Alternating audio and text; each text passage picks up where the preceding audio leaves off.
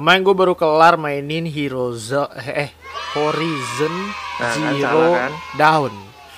Selalu suka kebalik Oke. gua hurufnya. Horizon, Horizon? Horizon. Ya kan Horizon Horizon sama. Iya, cuman kan lidah orang Indonesia nah yang terkadang Nah, suka keselimpet Oke, kan. Oke. Oke, oke. Nah, tuh gue baru kel- kelarin kemarin dan eh gamenya asik ternyata dan ceritanya cukup unik menurut gua. Bukan cerita-cerita bukan cerita tema yang biasa diangkat sama developer-developer game. Jadi salah satu Mm-mm. jenis cerita yang menurut gua unik banget gitu loh. Karena pertama eh, kali maksudnya gue belum nangkep nih uniknya gimana karena menurut gue pribadi sebenarnya konsep yang diangkat itu cukup generik karena ngomongin post apokaliptik kan memang mungkin pendekatannya agak beda cuma secara gambaran besarnya ngomongin tentang dunia kiamat itu sebenarnya kan bukan cuma di Horizon Zero Dawn doang tapi memang udah banyak game juga yang ngangkat tentang gambaran Betul. dunia kiamat versi developernya nih maunya kayak gimana betul, gitu cuma betul. memang beda-beda aja gitu kan. Nah, maksudnya Betul. unik yang lu maksud nih yang mana nih gitu. Nah, uniknya ini eh, contoh ya, karena sebelum waktu gue mainin si Horizon Zero Dawn-nya, itu kan kita bisa lihat covernya dulu deh pertama kali.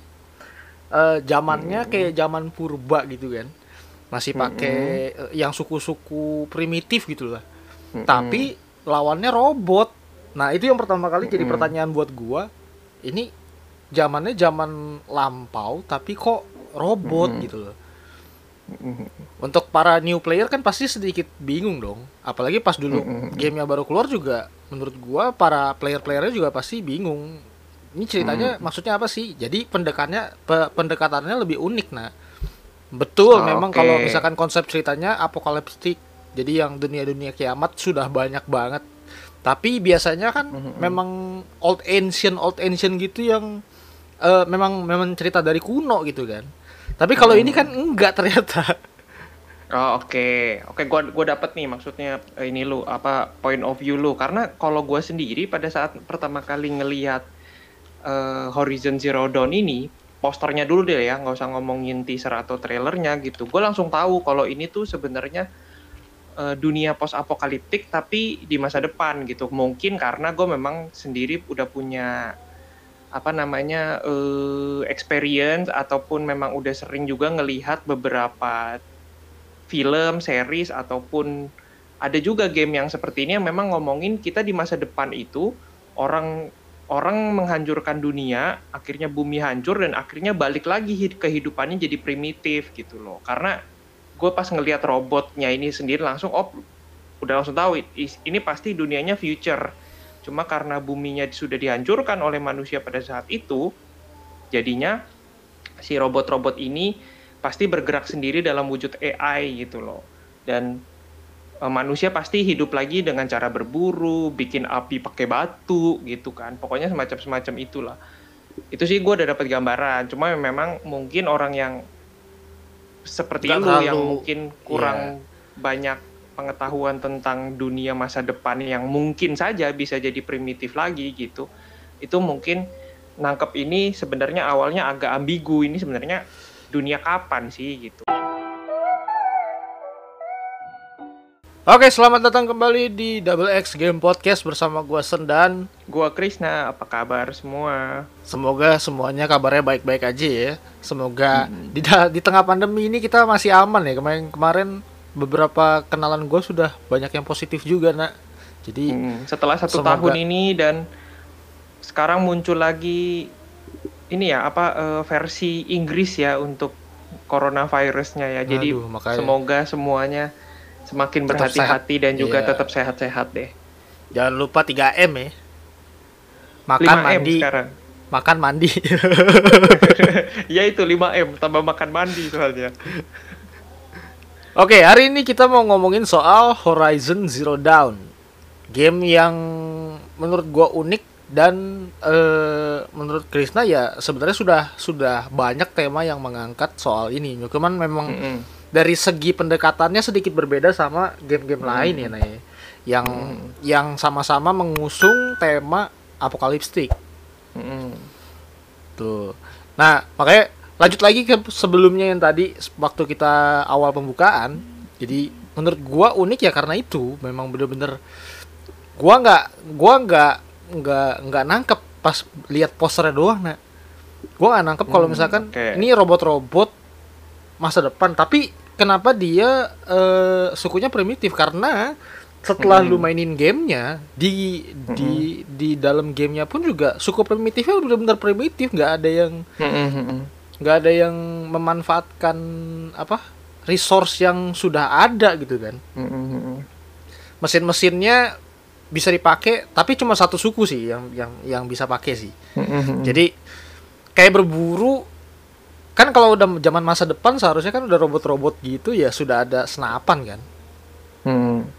Nah kenapa masih pakai masih pakai panah gitu loh menurut gua. Nah itu yang menurut gua unik jadinya Hmm, oke.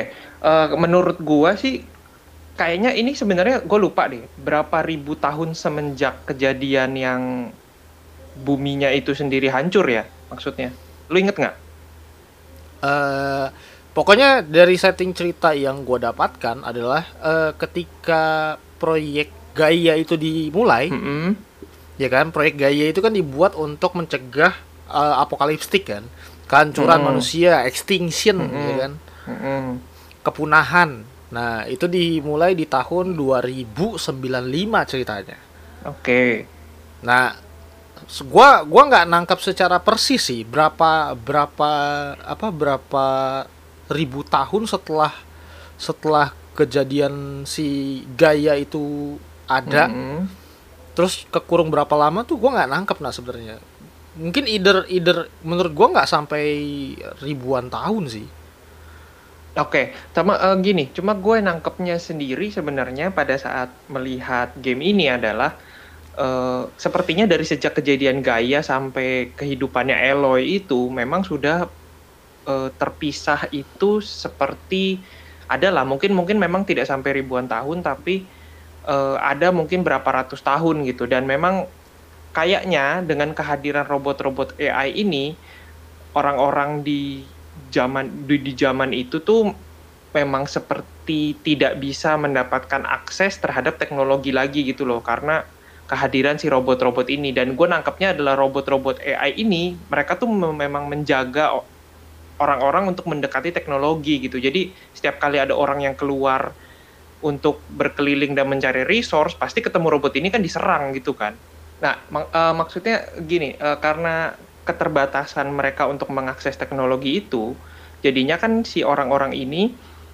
eh, tidak bisa atau semakin lama semakin berkurang kemampuan mereka untuk mengakses teknologi dan akhirnya nggak bisa menelurkan informasi itu ke anak cucunya. Akhirnya anak cucunya makin nggak makin nggak ngerti gitu loh cara pakai teknologi itu seperti apa, ada teknologi seperti apa aja dan ya makin lama makin blow on aja gitu ya akhirnya balik lagi ke kehidupan primitif yang semuanya serba manual. Menurut gue sih gitu. Jadi ini prosesnya kayaknya sedikit demi sedikit. Jadi nggak langsung habis kejadian gaya terus orang-orang tiba-tiba blow on semua gitu sih menurut gua. kalau eh kalau yang gua dapat dari cerita di in game sih nak jatuhnya sih nggak kayak gitu sih kalau yang gua tangkap ya karena kalau yang gua tangkap itu setelah kejadian Gaia itu kan semua manusia dimasukkan ke dalam bunker kan Mm-mm. bunker khusus kan dan Benar. nanti akan di eh, eh, ditunggu sampai beberapa ratus tahun sampai bumi itu bisa balik lagi jadi normal resource-nya Mm-mm. gitu kan dan Mhm. gaya itu bisa menstabilisasi eh, virus yang masuk ke dalam eh, robot-robot AI itu kan Mm-mm. nah diceritakannya seperti itu kan sebenarnya nah manusia Mhm. itu pada dikurung dan Project Gaia itu kan terbagi sampai ke beberapa bagian kan ada Hades yang ternyata jadi jahat terus Mhm. ada Hephaestus yang ternyata untuk knowledge Mm-mm. Nah, jadi sebelum kejadian Gaia itu benar-benar selesai, nah eh, mereka kan dapat serangan virus lagi dan Gaianya Hmm. harus benar-benar ditutup kan. Mm-mm. Nah, sebelum Gaia eh bukan bukan. Jadi Gaianya setelah mulai beroperasi eh si siapa sih nama nama direktur dari eh robotnya gue lupa. Elizabeth Sobek. Bukan, rekannya si Elizabeth Sobek. Eh, Yang cowok yang punya- lupa. Yang punya perusahaannya gue lupa. Vero, Vero, Ted Vero. Oh iya, Red Vero betul. Nah, si Vero ini Ted ternyata Vero. kan men- menutup menutup menutup akses ke Gaia dan membunuh semua petinggi-petinggi dari eh, Gaia Benar. Project. Bener. Nah, sampai eh, di satu kesimpulan dia bilang manusia eh, nggak perlu lagi menemukan eh, knowledge yang bisa menghancurkan dunianya mereka nantinya. Menurut si Oke. Vero seperti itu, makanya eh, semua resource untuk pengetahuannya dihancurkan. Sedangkan kalau misalkan dari versi si Elizabeth Sobek sebagai pencetus dari si Gaia Project itu kan sebenarnya eh, dia mau nanti resource-nya itu akan eh, muncul secara perlahan supaya nanti manusia di zaman masa depan bisa mempelajari kesalahan yang mereka buat pada masa itu. Sebenarnya gitu kan? Hmm. Hmm, hmm, hmm. Cuma gue Nah, ta- maksudnya maksudnya gue adalah melihat dari point of view-nya dari masyarakat bukan dari petingginya ya. Kalau memang petingginya seperti yang lu ceritakan tadi itu mereka memang menghancurkan dan berharap suatu hari nanti resource-nya akan balik dengan sendirinya gitu kan. Cuma gue melihat adalah ratusan tahun ini masyarakat ini karena ada ada kan suku yang bisa mengakses teknologi itu ada. Nggak iya, semua iya ada. suku tuh Enggak maksud gua, nggak maksud semua gua suku tuh Enggak maksud gue gini nah, waktu yang waktu yang si eh, Project Zero Dawn itu dilaksanakan gaya diluncurkan, itu kan Mhm. kepunahan memang nggak bisa di nggak bisa di nggak bisa dihalau lagi. Manusia memang Mhm. udah pasti punah gitu kan. Makanya Iya, mereka benar. dilempar ke dalam bunker. Nah sampai Mhm. kejadiannya kan di dalam bunker para para apa ya keturunan-keturunan dari Project Gaia ini yang akhirnya nggak tahan terkurung di dalam bunker dan akhirnya minta pergi dari si Mm-mm. mother dan fathernya itu yang Mm-mm. which is adalah si AI yang Gaia Mm-mm. nah setelah mereka pergi dari resource itu nah itulah mulai menurut gua mulailah eh, peradaban baru yang mereka keluar dari fasilitasnya dan mereka eh apa mulai membuat apa ya komunitas mungkin ya waktu masih kecil gitu kan mulai membuat komunitasnya mereka sendiri terus mereka mulai membangun perdesaannya sendiri nah tapi dengan keterbatasan resource karena mereka sud- karena waktu dikasih tahu sama si Gaia kalau lu keluar dari fasilitas ini lu nggak akan bisa balik lagi Iya iya memang.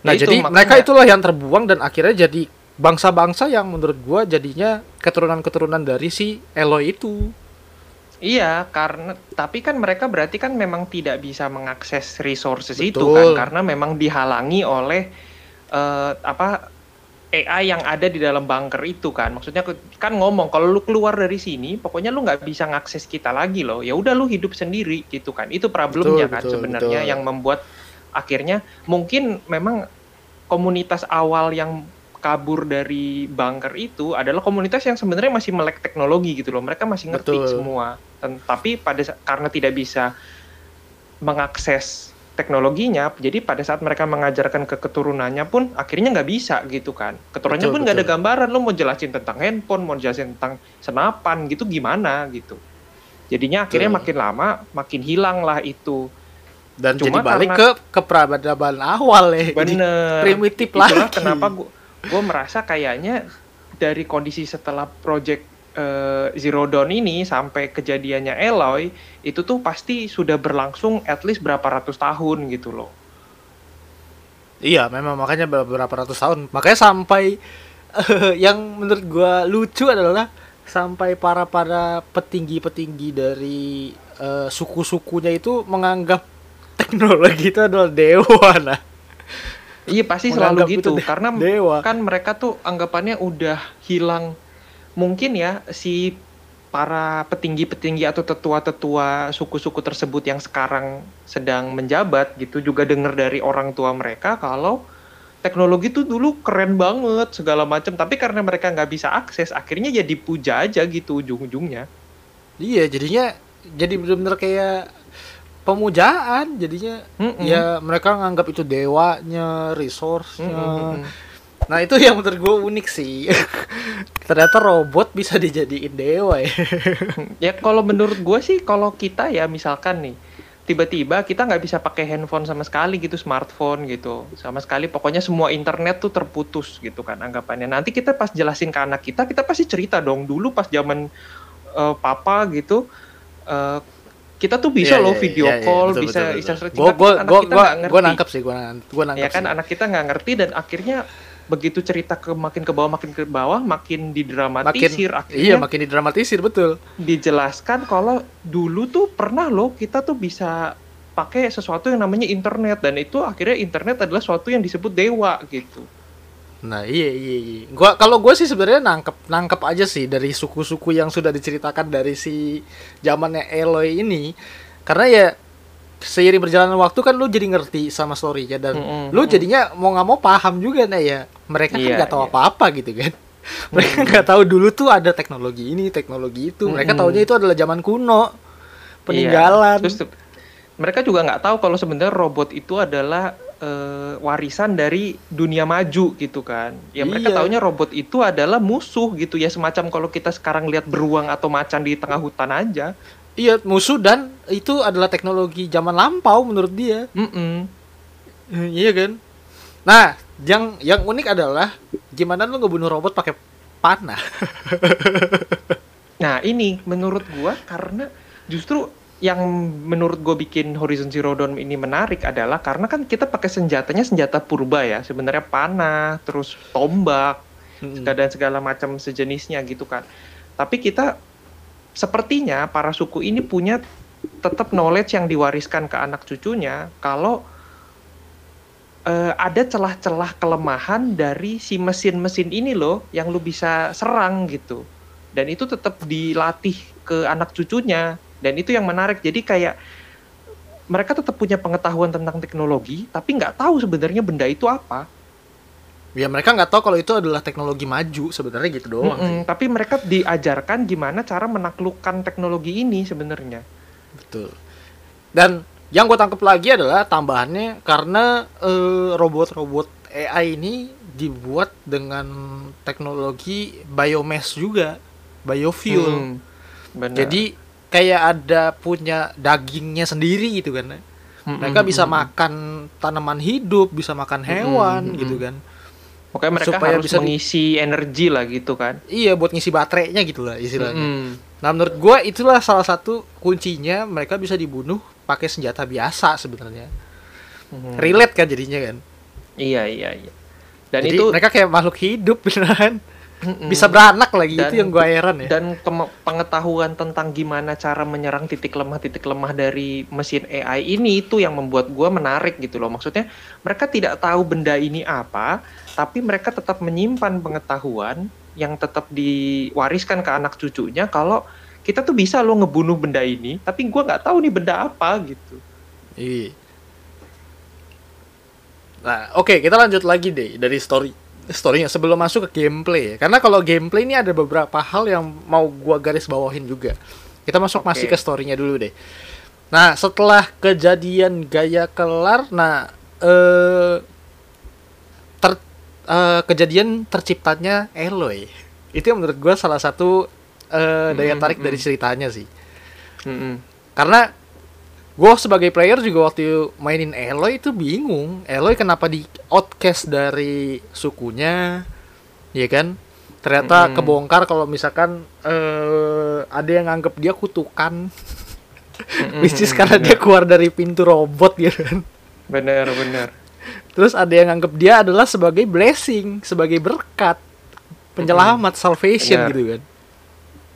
Nah, Benar, karakternya si Eloy sendiri yang ternyata eh, digambarkan mirip banget sama Elizabeth Sobek. Nah, itu yang menurut gua unik Ya banget. karena memang menggunakan kan sebenarnya kita ngomongin ya mungkin terlihat aneh ya karena settingnya kehidupannya Eloy ini adalah di zaman yang kita bisa anggap ngomongnya primitif lah gitu secara pola pikir gitu kan pola pikirnya sempit banget karena masih ngomongin Iya. tentang dedewaan gitu kan ngelihat matahari aja mungkin dipuja jadi dewa gitu nah tapi eh, sebenarnya kan secara logika Elo ini diciptakan dari teknologi yang bahkan kita sudah punya sekarang gitu loh. Jangan kan ngomong tentang abad 31 yang diangkat di cerita ini gitu. Di abad 21 kita sekarang aja udah ada sebenarnya teknologi cloning ini kan.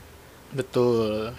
Dan Nah. mungkin di, di satu abad kemudian ya eh di 10 abad kemudian ya memang sudah advance sekali yang bisa bener-bener bentuknya mirip, terus bener-bener jadinya sempurna gitu. Dan itu seperti Eloy cuma karena pengetahuannya menurun kan ini anggapannya degradation ya turun gitu kan jadi primitif lagi nih pola pikir orang-orang itu yang bikin jadi susah diterima gitu Betul. Dan uniknya adalah yang ditambahnya eh misteri buat para player itu waktu awal-awal si Eloy ini sebenarnya siapa? Gitu kan? Dia tahu itu adalah eh, dia mirip banget sama Elizabeth Sobek pas awal-awal kayak gitu benar. diceritain ya. Jadi gue juga ngira si Eloy ini apa bener anaknya si Elizabeth Sobek?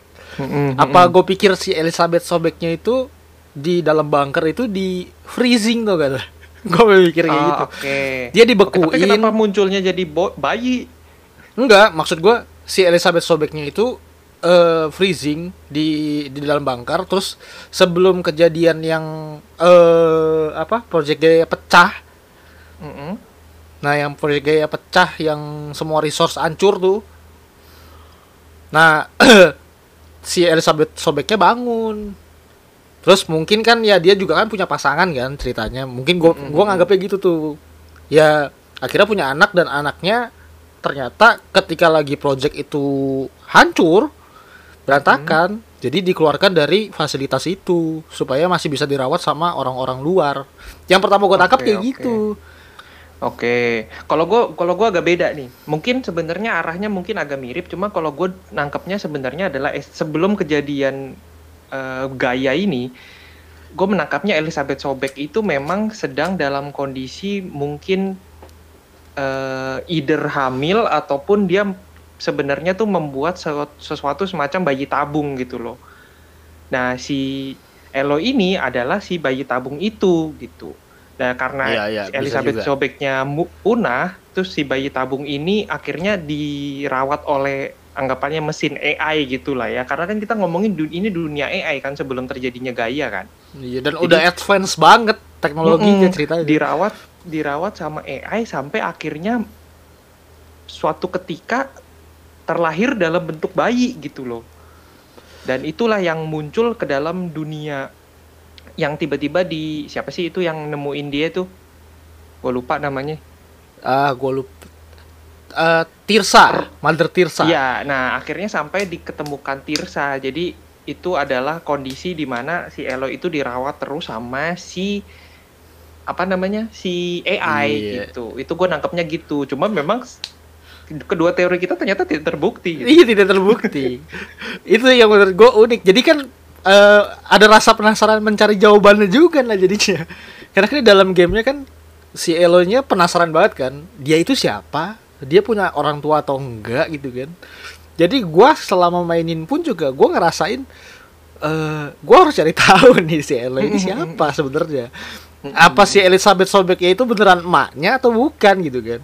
Ternyata di ending Ya, cerita karena dicer- baru kebongkar semua. Kita main iya bener.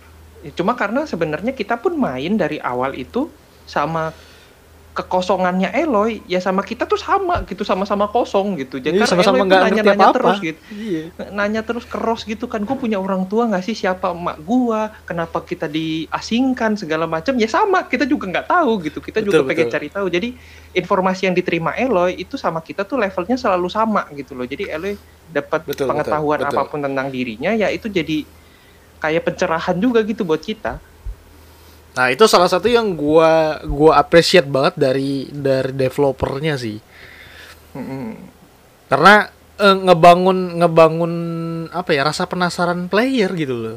Sa- ini adalah salah satu game nah yang bisa gue jujur-jujuran itu sampai semua informasinya gua kumpulin. Mm-mm. Semua orang yang ngomong benar, sama gua, gua mau nggak mau harus eh dia kan ada cabang pertanyaannya banyak tuh. Sebenarnya bisa lu Benar, lewatin benar. kan. Benar. Nah, sampai akhirnya benar-benar gue tanyain, oh Iya, ternyata iya. informasinya relate ke sini, oh informasinya re- relate ke sini, supaya pengetahuannya tuh nyambung gitu loh. Oh ternyata ini zamannya zaman eh, masa depan sebenarnya. Ya karena segitu kita bersimpatinya dengan sesosok Eloy ini kan, karena dia kosong dan kita juga pengen tahu sebenarnya Eloy ini makhluk apa sih? Maksudnya dia Iya. datang dari mana? Apakah dia alien atau apa gitu? Dan itu yang bikin kita jadinya eh, begitu bersimpati sama karakter ini dan akhirnya jadi kita ingin bareng gitu loh untuk bertualang sama dia mencari informasi. Jadi informasi apa pun yang sekiranya kita kira dibutuhkan sama Eloy ya kita harus dapetin juga iya, gitu kan. iya. jadi mau nggak mau rajin sendiri tuh karena penasaran. Bener-bener dan ini teori gue nah ya mungkin banyak orang juga yang nganggep yang eh, pas lagi mainin itu mungkin aja berspekulasi Eloy adalah android juga. Banyak pasti ada banyak tuh pasti ada tuh. Mm-mm. ternyata dia bukan Ya, pasti manusia merasa- nih. Ya karena berarti berpikirnya Eloy adalah suatu bentuk robot jenis baru yang diciptakan terakhir detik-detik terakhir sebelum Gaia gitu kan. iya dan sempurna gitu loh kayak manusia. Hmm. Dari kecil sampai gede dari bayi jir. Itu kalau robot bisa kayak gitu sih ngeri loh. Hmm. dari bayi sampai jadi gede itu tulangnya gimana nyesuainnya coba? Nah itulah yang yang menurut gua eh, unik. Dan sampai akhirnya kita dibawa ke storynya sampai ke belakang.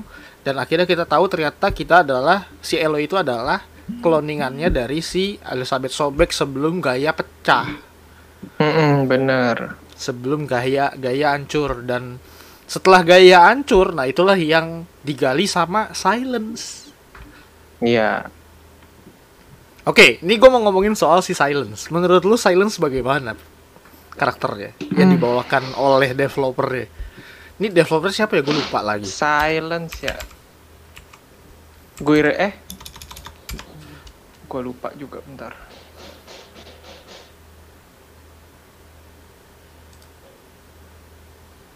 Guerrilla Games. Guerrilla Games. Kerja sama sama Sony. ya? Iya kan eksklusif. Iya, eksklusif game dulu kan. Meskipun akhirnya dibuka juga ya untuk PC. Dan yang nanti akan datang juga kemungkinan bakal masuk ke pasar PC juga. Oke, kita lanjut dulu. Nah, ya, menurut lu Silence bagaimana karakter dia? Eh terlepas dari karakternya gimana ya, gue sebenarnya setiap kali ngelihat si Silence ini, gue tuh bingung. Sebenarnya yang bercahaya warna biru di badannya tuh apa sih? Gitu. Maksudnya kenapa kenapa ada di badan dia? Maksudnya sampai sampai kepala batok kepala gitu. Itu awalnya pada saat gue ngeliat, maksudnya Ah, kenapa ah, dia aneh sendiri gitu ya? Kenapa? Kenapa kayaknya kita kan nggak lihat ya kayaknya benda itu ada di tempat lain gitu cuma dia doang yang kayak kupikir awalnya tato tapi kenapa ada di jenggot juga gitu itu sih dan karakter Silence ini gue pikir awalnya baik pada akhirnya Hmm, karena kan hmm. dia sebenarnya cukup membantu bukan membantu ya cukup memberikan guidance lah gitu kepada Elo di beberapa kesempatan gitu kan Dan sempat nolong Eloy juga kan? Mm-mm. cuma itu yang bikin di- bikin konflik jadinya sama player tuh. Ini orang baik apa Iya, enggak dan- sih? dan di akhir yang kenapa dia tetap mengambil Hades ke dalam suatu tabung tetap menyedot gitu lah nyedot si Hades yang sudah dibunuh ini ke dalam suatu tabung dan dia bilang masih banyak loh yang kita bisa bicarain nih ngomong ke Hadesnya kan kayak gitu kan Betul. kan Ki- kita kita masih Masih banyak kita unfinished punya- business.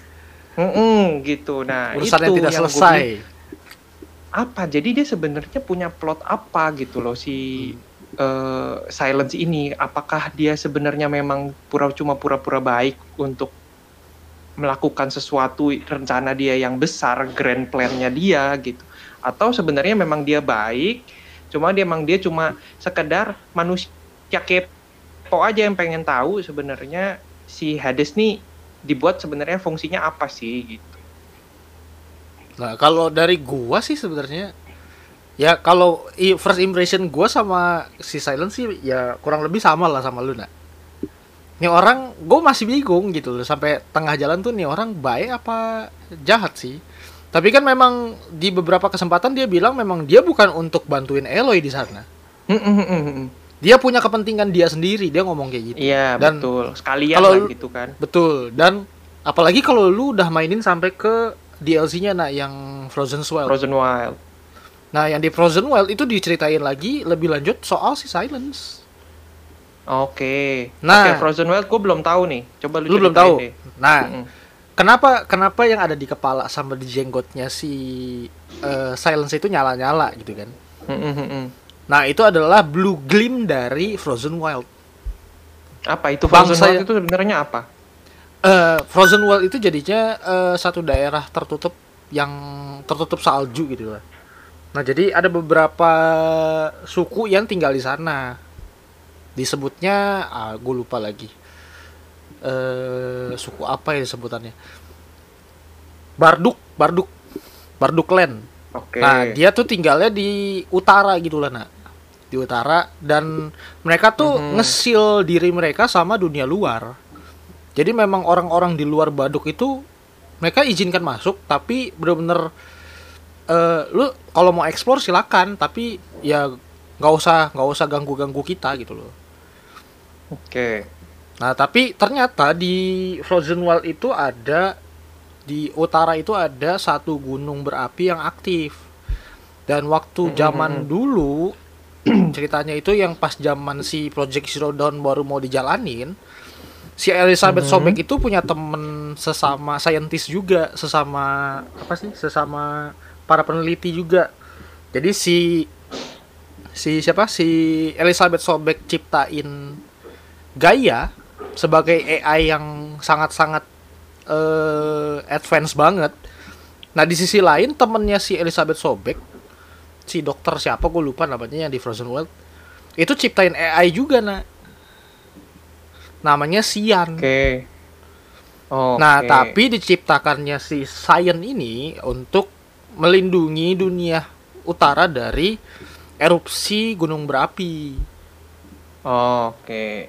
kayak gitu cuman pas eh pas ketika dari si Project Gaia hancur waktu dulu nah di Frozen World itu mereka juga punya satu virus yang mirip sama kayak yang ada di dunia luar si Frozen World yang ada di eh, Horizon Zero Dawn Mhm. nah itu dia, dia membuat eh, robot-robot di sana tuh lebih powerful lagi jadinya Oh.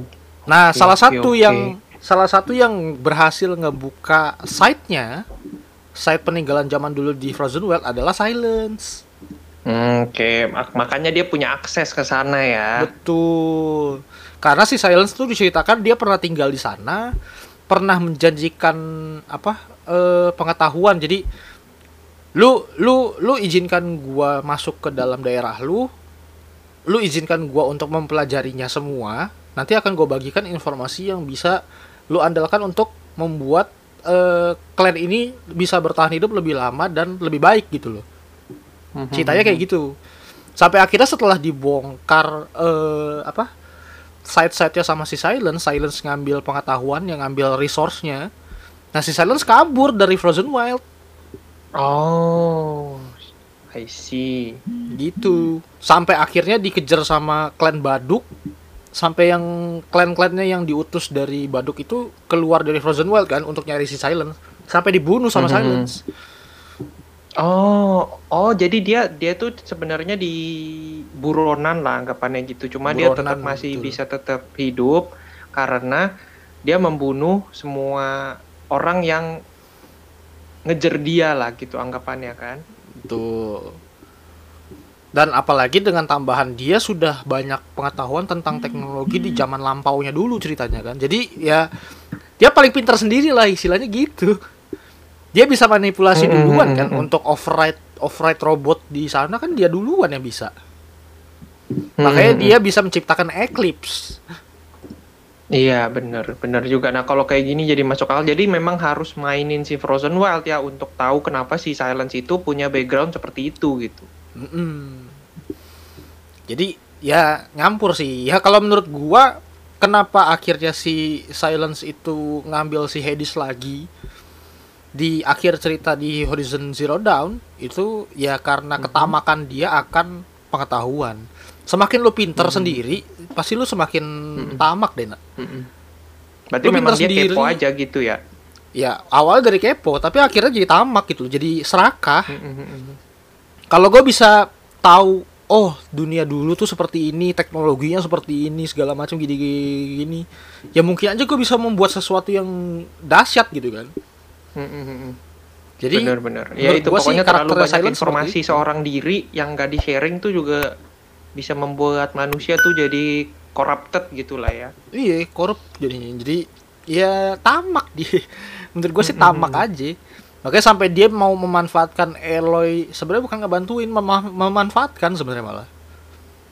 Untuk dapetin akses ke dalam Gaia dan dia bisa mengakses informasi yang ada di dalam Gaia, termasuk Hades. Hmm, hmm, hmm. Ya, oke okay, oke okay, oke. Okay. Jadi masuk akal nih maksudnya. Jadi kita tahu jadi tahu setelah Frozen Wild itu ternyata si Silence ini lebih condong ke mana gitu ya. Memang dia sebenarnya dibilang jahat banget juga enggak, Cuma dia memang dia karena sendiri dia. Karena ketamakannya dia akan ilmu pengetahuan, ya akhirnya dia terpaksa melakukan sesuatu yang mungkin orang lain meras berpikirnya tabu gitu kan. Betul. Oke, itu dari silence. Dan uh, eh, gue mau masuk ke sisi gameplaynya. Dari sisi story sih menurut gue sudah kompleks banget sih dari si Horizon Zero Dawn. Dan gue sih penasaran karena di akhir cerita di Horizon Zero Dawn itu kan si Hadesnya masih ditangkap sama Silence dan menurut gue itu pasti bener, lanjut bener. gitu kan. Iya, makanya ada ininya kan, akan ada sequelnya at least ya kita berharap kayaknya udah nggak mungkin di tahun ini kayaknya karena sudah di delay ke 2022 yaitu namanya For Horizon Forbidden West gitu kan. Dan kalau denger katanya West sepertinya kita akan diajak oleh Eloy untuk jalan-jalan sedikit lebih ke arah barat gitu. Jadi kayak nyari kitab suci gitu soalnya soalnya dari peta dari peta map yang dikasih di Horizon Zero Dawn dan Frozen World itu ya termasuk kecil sih. Itu baru hmm. bagian bagian bagian dari uh, eh, US aja, Amerika Serikat hmm. aja. Padahal kan kalau ya, misalkan menurut kan itu extinction kan. Uh, kecilnya peta di Zero Dawn ini uh, jadi masuk akal karena kan ke mana-mana sebenarnya kita jalannya manual ya. Jadi kalau petanya terlalu besar, nggak bisa kita akses juga gitu loh. Mau main berapa jam gitu. Iya, iya, iya. Gue paham, gue paham kalau soal itu. Cuman maksud gue ya kalau misalkan dia menceritakan ini adalah extinction, ya kan kepunahan loh. Kepunahan itu kan bukan dalam satu negara doang kan, satu dunia gitu kan. Mm-hmm. Ya sebenarnya ya makanya masih itu banyak yang bisa jadi, dieksplor gitu jadinya. Jadi opportunity atau peluang buat Guerrilla juga untuk mengembangkan terus si Forbidden West ini. Mungkin nanti si Eloy bisa sampai ke negara mana gitu kan, bisa sampai tiba-tiba muncul di Asia ya, gitu ya. kan. Jadi franchise lama-lama ya kayak Assassin's Creed mm -mm. keliling dunia. ya gak apa-apa selama bagus mah gak apa-apa. Oke, okay, itu dari storynya. Gue mau masuk ke gameplaynya gameplaynya gue mainin pakai stick nak ya memang dong masa pakai keyboard pakai keyboard mouse ya sebenarnya buat player-player yang terbiasa main pakai keyboard dan mouse untuk mainin game-game yang uh, fightingnya lebih ke jarak jauh ke mm -hmm. range fighting itu lebih nyaman mm -hmm. pakai mouse sama keyboard sebenarnya mm -hmm. karena lo kalau misalkan ngegerakin Corsair pakai analog sedikit susah pasti kalau nggak terbiasa banget kan? Karena Oke, cuma menurut, menurut gua, gua menurut gua nggak nggak ini aja nggak cocok aja gitu untuk mainin semacam Zero Dawn Horizon Zero Dawn ini atau sejenisnya atau Assassin's Creed gitu untuk dimainkan dengan keyboard dan mouse gitu. Karena ya ada pers beberapa pergerakan yang mungkin akhirnya jadi kaku gitu. Betul. Makanya untuk user experience-nya lebih bagus memang pakai uh, joystick memang pakai stick mainnya. Mm -hmm. Nah cuman nah itu salah satu concern gue untuk Horizon Zero Dawn karena kalau game lain yang lebih open world dan fighting gitu kan, oh, open open world hex and slash kan kalau bisa dibilang kan, mm -hmm. genrenya. Jadi nah si Horizon Zero Dawn itu lebih mengandalkan serangan jarak jauhnya dibanding serangan jarak dekatnya dan keterbatasan dia untuk weapon. Dan kita harus crafting terus kan? Betul. Kalau untuk crafting sih sebenarnya nggak terlalu masalah karena resource-nya ya, gampang udah, banget udah dicari. Iya banyak. Gampang banget dicari, resource-nya gampang banget dicari. Nah, cuma masalahnya ya fightingnya lebih banyak ke uh, range range combat gitu loh. Lo harus lebih banyak pakai panah karena uh, apa variatif dari senjata-senjatanya juga lebih ke jarak jauh semua nak Bener-bener. Panah api panah es gitu kan. Terus eh, panah penghancur armor panah penghancur Hmm. resource gitu kan. Bagian-bagian. Terus ada panah yang bisa ngetir untuk bisa penetrasi lebih dalam lebih sakit gitu kan. Nah kalau untuk ngelawan si apa para cupu-cupunya sih masih santai ya.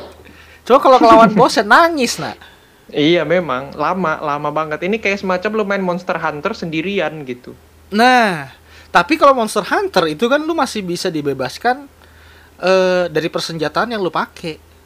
Ya, sangat sangat aja lu- bebas. Lu gitu kan. lu, ma- lawan yang monster yang gede banget ya sendirian coba nggak ada temen meninggal meninggal lu main dua jam cuma ngebunuhin tuh monster doang belum tentu mati juga. Betul betul betul. Itu yang gua rasakan. Cuman kalau dari eh, Monster Hunter ya menurut gua karena dia masih ada banyak variasi senjata yang bisa lu ambil dan combo yang bisa lu ambil gitu loh. Sedangkan kalau di Horizon Zero Dawn kan enggak. Bener-bener cuma mainin panah, Pak. Kalau lawannya Ya, yang bosnya memang. terlalu gede yang gerakannya nggak terlalu cepet sih masih bisa lu jaga jarak ya. Cuman kayak misalkan ada beberapa monster yang kayak ada Frost Claw ya kalau nggak salah, sama Fire Claw. Itu nangis banget lawannya anjir. Karena dia ketika eh, lempar batu langsung nyerang nyeruduk bisa 3 sampai 4 kali ngecharge. Mhm. Lu cuman punya waktu untuk ngedodge doang. Kapan kapan lu manahnya.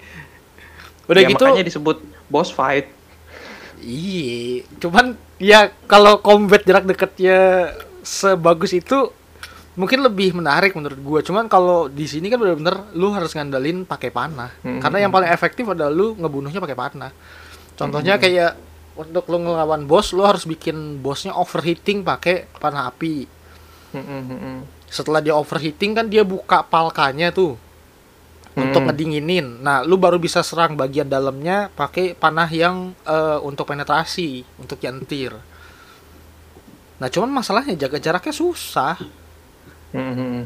Itu gue baru main yang easy Kalau ya. gue Gua pribadi, kalau gue pribadi sih sebenarnya ya, gue memang secara pribadi gue lebih suka persenjataan jarak jauh gitu daripada persenjataan melee gitu lah anggapannya lah. Ada jarak dekat pakai pedang, pakai tombak gitu. Gue memang lebih suka selalu main game apa pun tuh kalau bisa jarak jauh, jarak jauh. Alat lempar, pistol, sniper gitu. Jadi bahkan gue lebih milih gue mending jauh-jauh pakai sniper misalkan ya untuk genre tembak menembak gitu kan eh, pakai sniper daripada deket-deket tapi pakai handgun gitu nah itu jadi pada saat gue ngeliat konsepnya si Elo ini ya gue menikmati aja gitu karena memang jarak jauh kesabarannya lebih ekstra gitu. Karena kita nggak bisa brutal nggak bisa Betul, betul. membabi buta gitu kan. Karena Betul. ada waktu buat ngeker waktu buat ngecas.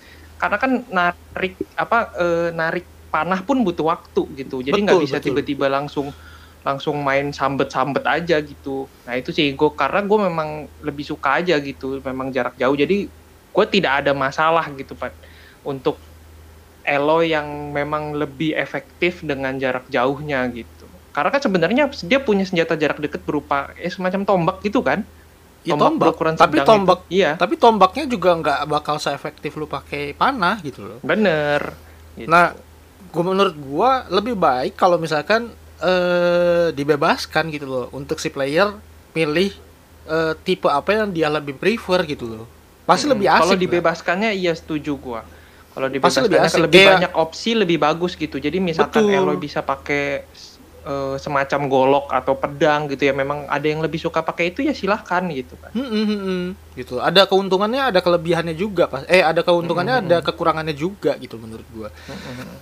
Kalau misalkan dia bebaskan seperti itu, cuman kalau di yang di Zero Dawn itu kan benar-benar di lock lebih lebih prefer lu pakai range attack dibandingkan Diarahkan melee lah. Kita attack. dipaksakan untuk menguasai teknik menggunakan panah dengan baik gitu kan. Mm-mm. Walaupun walaupun kalau misalkan level lu udah gede memang sangat-sangat kebantu sama skill ya. Apalagi Mm-mm. concentrationnya tuh yang benar-benar eh, nge-slow down waktu waktu lu lagi narik panah. Mm-hmm. Itu sih berguna banget. Cuman ya buat player-player yang nggak terlalu suka sama yang tipe range pasti akan tersiksa kayak gua gitu loh. Mm-hmm. Mungkin kalau kayak lu kan pastinya menikmati banget gitu. Ya memang mis- eh, akhirnya jadi kendala gitu karena mungkin keterbatasan penggunaan senjata gitu kan. Ya memang Mm-mm. untuk masalah harusnya opsinya lebih luas, gue setuju gitu. Karena memang ada beberapa momen juga kadang-kadang kita capek juga gitu kan. Kalau ah, agak bosen lah gitu untuk menggunakan satu jenis senjata aja gitu. Jadi Betul. pengen lah sekali-sekali pengen nyoba mungkin pakai pedang, pakai pisau gitu. Terus nah, nanti kalau udah selesai kita dipuaskan dengan variasi ya kita pasti akan balik lagi dengan favoritnya kita gitu kan. Betul, betul. Mungkin contohnya kayak ya kayak Assassin's Creed yang belakangan lah yang mulai dari Odyssey dan Valhalla kan yang benar-benar dibebaskan si player itu untuk milih mereka mau pendekatannya secara stealth atau secara barbar atau secara range.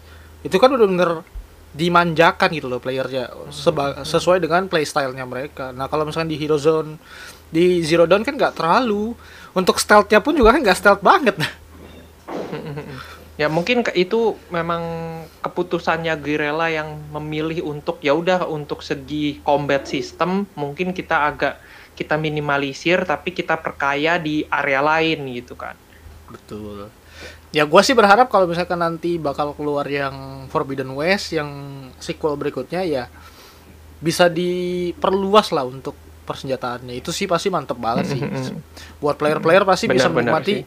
Kostumisasi Benar-benar sih. persenjataan. Ya karena gitu deng- kan. secara ininya, secara peluangnya dengan kita bisa mengakses peta yang lebih luas, harusnya lebih banyak knowledge yang bisa didapat sama Eloy gitu. Jadi dia mungkin mendapatkan jenis-jenis persenjataan baru gitu dari Mm-mm. petualangan dia yang lebih jauh gitulah dari rumahnya dia gitu kan.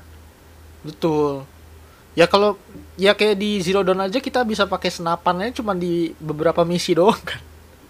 Dan itu juga Mm-mm, karena mm. disediakan sama si clan Osram yang memang Mm-mm, me- mm. memang advance di sana.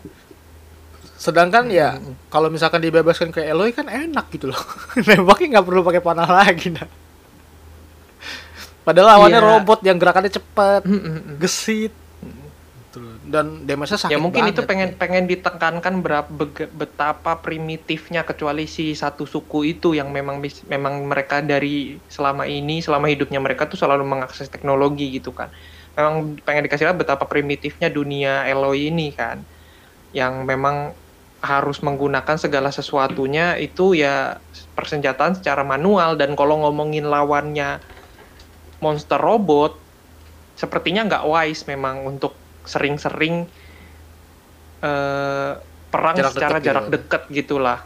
Tapi ya memang kan kita nggak semuanya lawan robot-robot gede doang gitu. Ada robot-robot kroco-kroco yang mungkin kita pengennya tebas dari jarak dekat gitu loh. Iya, iya, harus itu dari yang- jauh gitu kan. itu yang bikin gua salah satunya stres kayak ngelawan bos salah satu bos di Cauldron itu kan ketika dia lagi overheating dia berhenti dia keluarin anak-anaknya nah itu lu harus Mm-mm. panahin satu-satu kan nangis banget Mm, mm, mm. padahal lu dikerumunin Nah, itu- kan kalau misalkan bisa Itu yang tinggal tebas kan. kan gitu ya gua sih berharap ya Iya. kalau misalkan di next gamenya eh, kalau misalkan di- lebih banyak dikostumisasi pasti lebih asik sih gitu. Ya semoga itu hadir di Forbidden West lah ya. Karena kan juga kayaknya lawannya juga akan lebih variatif ya. Akan lebih ngeri gitu, lebih banyak dan juga mungkin makhluk-makhluknya mungkin lebih aneh-aneh. Kayak Yang gue lihat sih bakal kita bakal ngelawan buaya berbentuk robot gitu, salah satunya. Dan kura-kura berbentuk giant kalau tortoise buaya berbentuk robot kalau kalau buaya kalau buaya sih udah ada nah yang di Zero Dawn. Enggak, maksudnya kita akan masuk ke dalam air. Dan sepertinya akan terjadi pertarungan underwater gitu menurut gua. Nah kalau ada underwater juga gua setuju karena salah Karena satu kekurangan dari karena salah satu kekurangan dari si. Zero Dawn gitu dia nggak bisa nggak bisa nyelam. Nah itu jadi di teasernya Forbidden West itu si Eloy itu kayak semacam mungkin sudah menemukan suatu device yang dia pakai di dalam mulutnya semacam seperti masker, masker scuba gitulah pokoknya untuk Hmm. underwater. Dan itu tuh ada di teasernya dia berenang di bawah air dan sepertinya akan terjadi ada kesempatan kita juga bisa bertarung di bawah air dan kita pasti butuh persenjataan baru gitu. Nggak bisa pakai panah di dalam air. iya. Betul. Oke lah berarti eh dari segi story dari segi gameplay sudah kita bahas. Nah, sebelum kita tutup ke overall rating, nah menurut lu game ini bagus atau enggak? Mungkin dari skala 1 sampai 10 menurut lu ada di angka berapa? Dari segi gameplay dan story. Ya? Untuk overall untuk overall rating menurut gua itu uh, sebenarnya posisinya ada di sekitar 8,0 menurut gua ya. Kenapa? Karena uh, kedalaman ceritanya tuh bener-bener bisa bikin kita berempati gitu loh sama dan ingin membantu Eloy untuk mencari sebanyak mungkin knowledge yang dia butuhkan gitu ya. Itu menurut gue faktor penting karena berarti kan game ini berhasil men-engage semua playernya untuk at least mau nyari informasi untuk Eloy. Karena kan ada beberapa game yang kita sebenarnya dapat informasi itu antara penting nggak penting gitu loh. Antara ya hmm. lu nggak nggak dapet game itu pun kita tetap bisa main dengan nyaman gitu. Tapi kalau untuk si Eloy ini karena dia begitu kosong sosoknya tentang informasi tentang dirinya jadi kita pengen ngisi dia sampai penuh anggapannya gitu. Dan itu menurut gue salah satu faktor penting dalam game gitu. Jadi engagement ke player.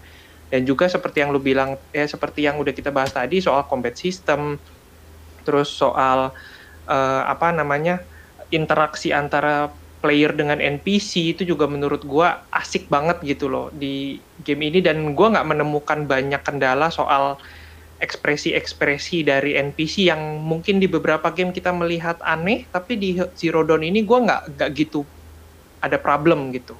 Dan juga satu faktor yang paling menurut gue paling menarik adalah dan bikin beda adalah uh, equipment yang dipakai oleh para suku ini karena kita ngomongin suku primitif ya kan? Tapi Betul. mereka tuh menggunakan equipment yang sangat modern menurut gua. Kayak helm. Helm tuh mereka kan dapat dari robot-robot ini yang mereka bunuh dan mereka ambil mereka scavenge eh, scavenging gitu kan.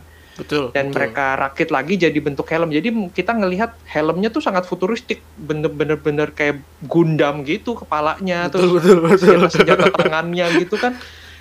Itu tuh menurut gue baru gue ketemu di Zero Dawn ini. Karena untuk pertama kalinya kita menemukan dunia kiamat yang lawannya tuh robot gitu. Jadi itu menurut gue aspek freshman itu dapat banget sih di gue.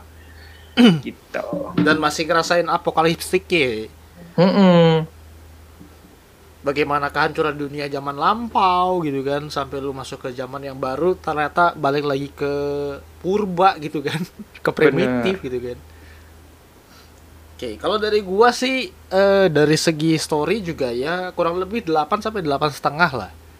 Karena menurut gua sih storynya cukup kompleks ya buat gua ya, buat gua sendiri dan uh, apa sedikit plot apa plot plot twist yang terjadi di dalam ceritanya itu cukup bikin gua ngerasa puas ketika nyari dan mendapatkan jawabannya gitu loh.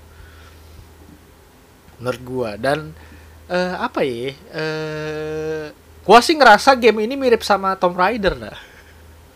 Uh, iya bener, kurang lebih ya. Cuma memang kan Tomb Raider tidak open world ya. Betul. Soalnya dari segi dari segi gameplay lu manjat ke uh, ge, uh, ke gedung, ke bangunan, hmm. ke gunung hmm. itu mirip banget sama sama Tomb Raider. Ya menurut gua mungkin juga Guerrilla memang mengambil sosok Eloy ini berdasarkan inspirasinya juga dari Tomb Raider gitu, dari Lara Croft menurut gue ya, karena kan nggak banyak sebenarnya kita dihadirkan sosok uh, lead protagonis itu adalah cewek gitu dan kita nggak bisa ganti gitu kan. Betul. Dan satu lagi tambahan nilai plusnya adalah Eloy cantik. oh itu itu terbaik sih, memang Mbak Eloy panutanku ini ya.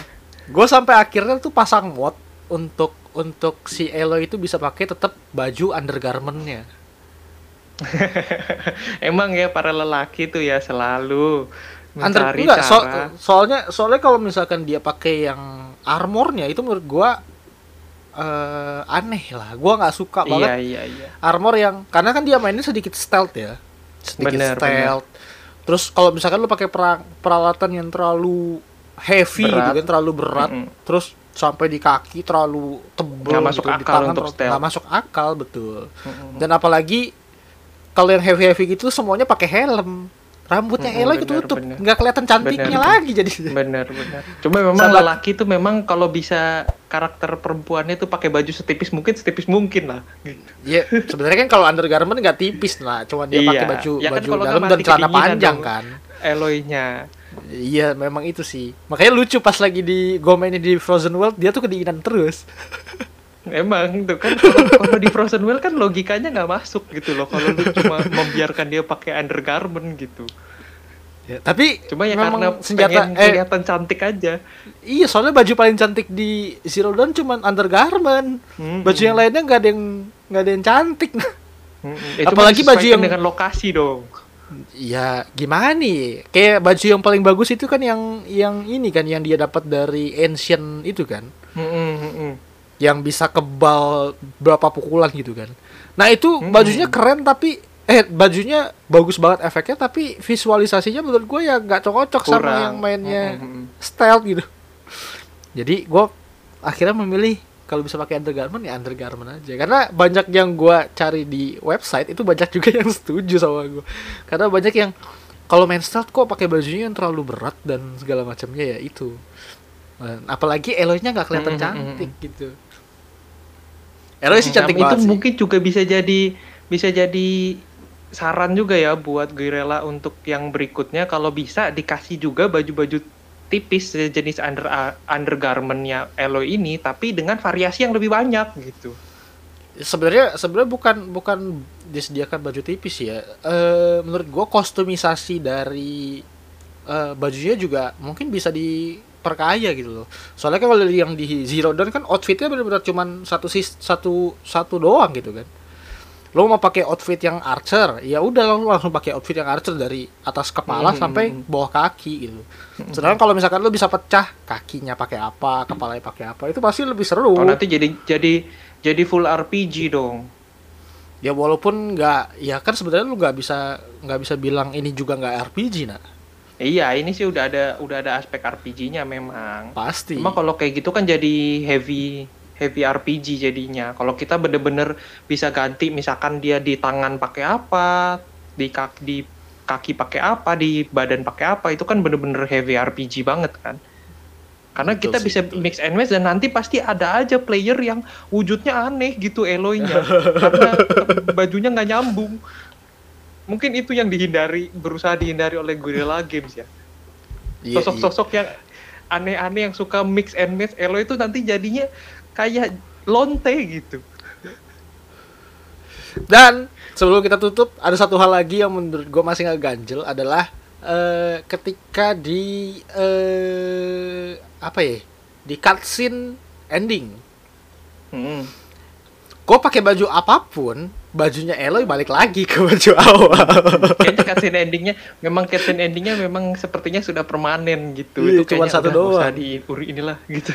Iya, nanggung gitu loh. Padahal gamenya udah bagus. Ternyata pas di cutscene di endingnya lah kenapa pakai bajunya yang awal lagi gitu kan. Kayak cuma Hmm, disediain satu cutscene doang sama si Guerrilla Games-nya gitu loh.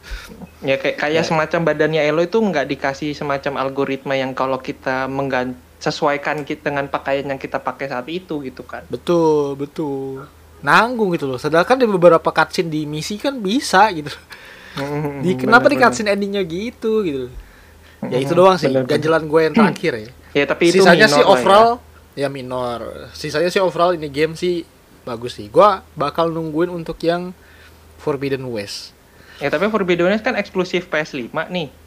Kayaknya. Nggak tau gua gua lupa deh PS4 masih akan dapat atau enggak tapi kayaknya eksklusif PlayStation dan kalau lu mau nungguin di PC ya nggak tahu bakal kejadian kayak Zero Dawn ini. Mungkin enam tahun kemudian lima tahun kemudian baru ada gitu.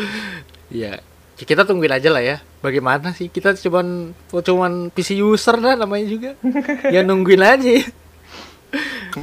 Oke berarti sampai di sini dulu aja pembahasan kita. Thank you banget yang sudah mendengarkan dan menonton ya teman-teman ya. Semoga teman-teman juga terhibur dan dapat informasi dari pembahasan kita kali ini di tentang Horizon Zero Dawn. Betapa kayaknya game ini dan pemandangan juga bagus banget ya Nay. Luar biasa. uh, environmentnya apalagi banyak model-model yang nambahin reset supaya lebih realistik. Wah itu cakep banget. Walaupun game ini nggak bisa dibilang enteng ya. Padahal game Hmm, iya, tahun iya, 2017 loh. Ya karena kan memang di ini di semacam di remaster gitu kan untuk ke PC memang dinaikin gitu supaya memang bisa ngejer performance ultra lah gitu. Karena kan Betul, dibuat betul. di PlayStation 4 pun sebenarnya nggak se ekstrim ini kayaknya grafiknya. Kayak gitu. Dan gue berharap terakhir gue berharap Guerrilla Game tidak jumawa ya tidak seperti CD Projekt Red ya. Jadi ke depannya dia juga bikin game ya tetap sesuai dengan kapasitasnya gitu loh jadi jangan terlalu visioner yang ujung-ujungnya flop gitu Jangan terlalu ambisius lah ya. Hmm. jangan tamak lah gitu Jangan kayak silence ya. iya Oke teman-teman, thank you banget ya sudah eh, stay sama kita sampai sekarang. Eh, jangan lupa di like, share, dan subscribe juga. Lalu juga eh, follow Instagram gua di @monoson_gaming dan kalau misalnya mau komen-komen dan berbagi ide cerita yang bakal kita bahas bisa komen di kolom komentar atau DM ke Instagram kita di @monosongaming ya.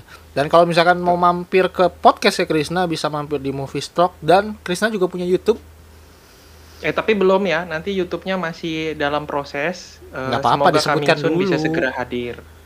Diumumkan dulu, early, Ya, early, nanti aja, early lah, nanti early aja. lah. Karena semuanya masih dalam penggodokan. penggodokan. Kita berharap semuanya lancar ya dan semua teman-teman bisa sehat semua. Sebelum kita tutup nanti kita akan kasih teaser dari eh, trailer Horizon eh, Forbidden West ya. Oke, sekali lagi thank you banget. Gua Sen pamit undur diri dan Gua Krisna, sampai jumpa. and bye bye.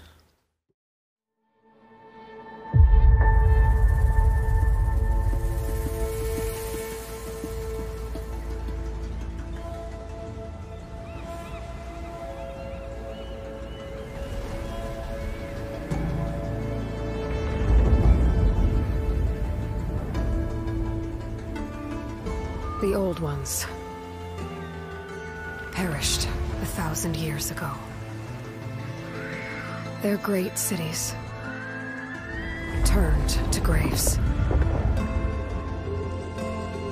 In their place came new life. And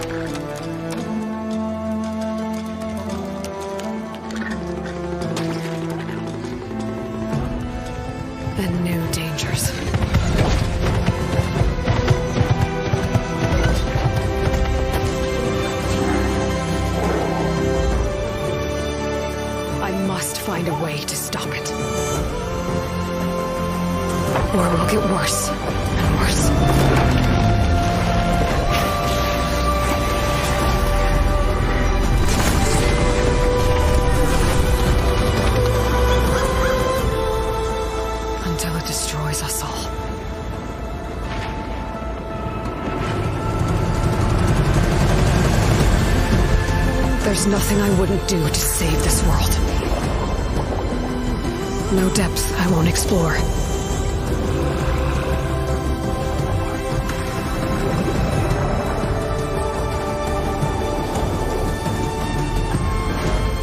No secret I won't unlock.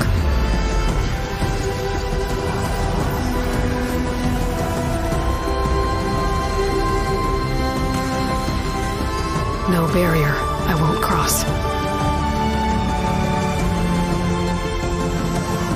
This mission is mine alone.